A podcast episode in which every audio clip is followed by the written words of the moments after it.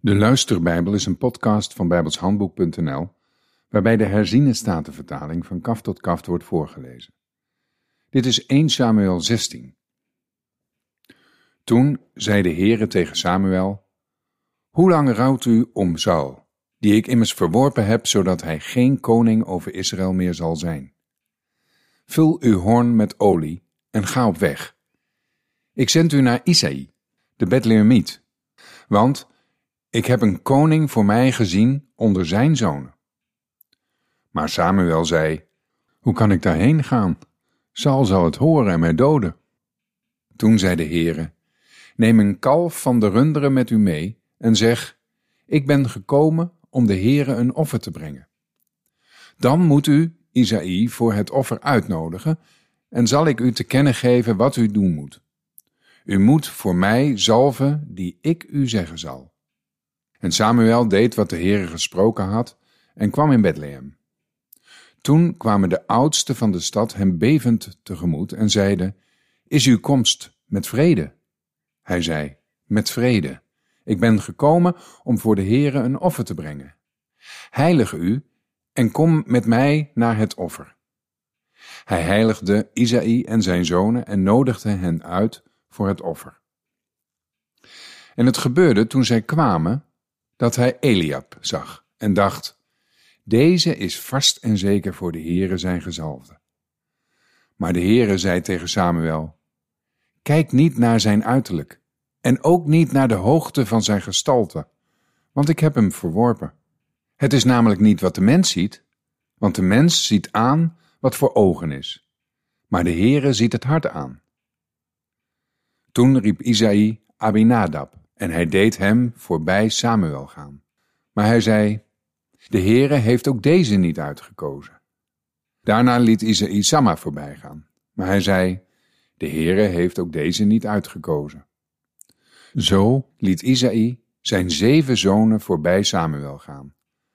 Maar Samuel zei tegen Isaïe, de Heere heeft deze niet uitgekozen. Toen zei Samuel tegen Isaïe, zijn dit al de jongens? En hij zei, de jongste is nog achtergebleven. Zie, hij wijdt de schapen. Samuel zei tegen Isaïe, stuur een bode en laat hem halen. Want wij zullen niet rond de tafel gaan zitten totdat hij hier gekomen is. Toen stuurde hij een bode en bracht hem. Hij was rossig, had mooie ogen en was knap om te zien. De Heere zei, sta op, zalf hem, want deze is het. Toen nam Samuel de oliehoorn en zalfde hem te midden van zijn broers. En de geest van de Heere werd vaardig over David, vanaf die dag en voortaan. Daarna stond Samuel op en ging naar Rama. De geest van de Heere was van Saul geweken, en een boze geest bij de Heere vandaan joeg hem angst aan. Toen zeiden Sauls dienaren tegen hem, Zie toch, een boze geest van God jaagt u angst aan. Laat onze Heer toch tegen uw dienaren, die bij u in de dienst zijn, zeggen dat zij een man moeten zoeken die op de harp kan spelen. En mocht het gebeuren dat de boze geest van God op u komt, dan zal hij erop tokkelen, zodat het beter met u gaat. Toen zei Saul tegen zijn dienaren, Kijk toch voor mij uit naar een man die goed harp kan spelen, en breng hem bij mij.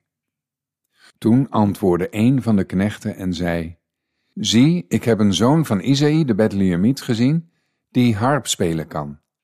Hij is een dappere held, een strijdbare man, ter zake kundig, iemand die knap is van gestalte, en de Heere is met hem. Saul stuurde bode naar Isaïe en zei, Stuur uw zoon David, die bij de schapen is, naar mij toe. Toen nam Isaïe een ezel met brood een leren zak met wijn en een geitenbokje en stuurde ze door de hand van zijn zoon David naar Saul. Zo kwam David bij Saul en hij stond in zijn dienst.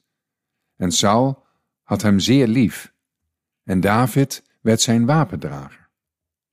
Daarna stuurde Saul een bode naar Isaïe om te zeggen, laat David toch in mijn dienst staan, want hij heeft genade in mijn ogen gevonden. En telkens wanneer de boze geest van God over Saul kwam, gebeurde het dat David de harp nam en erop tokkelde. Voor Saul was dat dan een verademing. Het ging beter met hem en de boze geest week van hem. Tot zover.